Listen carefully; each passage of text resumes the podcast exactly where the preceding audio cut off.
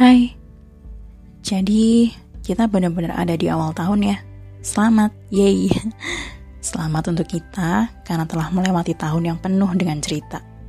Ya, 2020 tahun yang akan jadi sejarah di hidup masing-masing. Awal tahun dibuka dengan sukacita kebersamaan dengan orang-orang yang dianggap spesial, sebuah berkah. Kalau kata orang, melangkah tidak harus menoleh ke belakang lagi, tapi bagiku untuk saat ini dan mungkin selamanya, 2020 tidak akan pernah dilepas untuk jadi refleksi bagi tahun dan masa yang akan datang. 2020 mengajarkan banyak hal, di antaranya menghargai waktu, orang-orang yang baik, dan setiap detik yang terpakai untuk bernafas. Ya, bernafas. Bagaimana tahun 2020 benar-benar menabrakkan pola pikir terhadap hal-hal yang sepele, kecil, bahkan tidak penting, tetapi ternyata sangat berharga, tidak ternilai.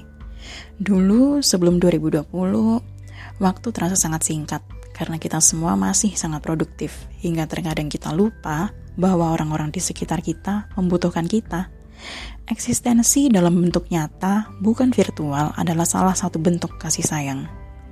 Namun, di 2020, menyaksikan semua ada walau secara virtual dan harus berjarak juga ternyata adalah sebuah bentuk kasih sayang. Semua sudut kasih sayang berhasil diobrak-abrik oleh 2020. 2020 adalah tahun yang jika dijabarkan maka 24 jam tidak akan cukup. Banyak kehilangan di tahun ini. Mereka yang pergi untuk selama-lamanya, mereka yang pergi karena keputusannya, mereka yang pergi karena telah hilang rasanya, semua bentuk kehilangan ada di tahun ini. Aku pernah membaca sebuah frase tentang waktu dan menghargai. Katanya, hari esok sifatnya 50-50. Tidak ada yang tahu. Jika semua orang menyadari ini, maka mereka akan lebih mudah untuk meminta maaf, menyatakan cinta, menyampaikan rindu, dan menunjukkan kasih sayang. Menurutku, frasa itu sangat cocok untuk 2020 ya 2020 banyak mengajarkan tentang menghargai eksistensi. Selagi masih bisa menyampaikan sayang, rindu, menunjukkan kasih, maka akan kulakukan lewat suara ini.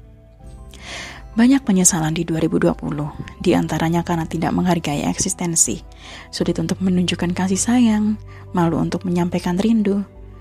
Akhirnya, yang terjadi adalah kehilangan, kehilangan yang amat parah.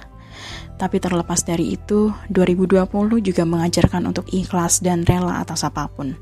Kehilangan orang tersayang, tidak diterima di sebuah pekerjaan, kehilangan pekerjaan, salari dipotong, turun jabatan, apa pun terjadi.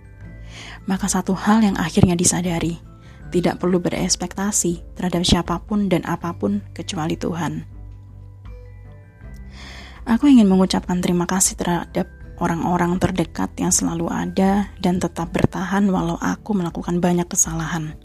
Terima kasih untuk ibu, bapak, Gilang, Abah, Umi, Pinkan, Wanda, Laras, Ade, Indun, Wahid, Vera, Catlip, Lito, Teteh, anak-anak Kalingga, Joker khususnya, Linda, Sari, Santi, Ega, dan banyak banget gak bisa disebutin satu-satu. Mr. Wawan, terima kasih untuk membantuku dalam banyak hal dengan sudut pandang liar, ala sastrawan.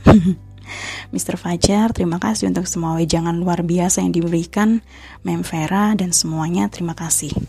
Untuk Ica, terima kasih karena telah menjadi orang yang baik untukku dan aku ingin meminta maaf atas kesalahan yang aku perbuat tempo hari.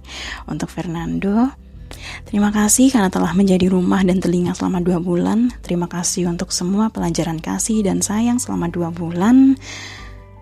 Sangat berkesan semua pelajarannya sangat-sangat berkesan semuanya terima kasih sekali aku minta maaf untuk banyak hal karena telah mengecewakan untuk Ara aku juga ingin meminta maaf untuk banyak hal terima kasih untuk waktu yang luar biasanya terima kasih dan aku minta maaf untuk orang yang diam-diam memperhatikan, mendoakan, kuucapkan terima kasih, aku nggak tahu dan nggak perlu disebut juga, tapi kamu pasti tahu.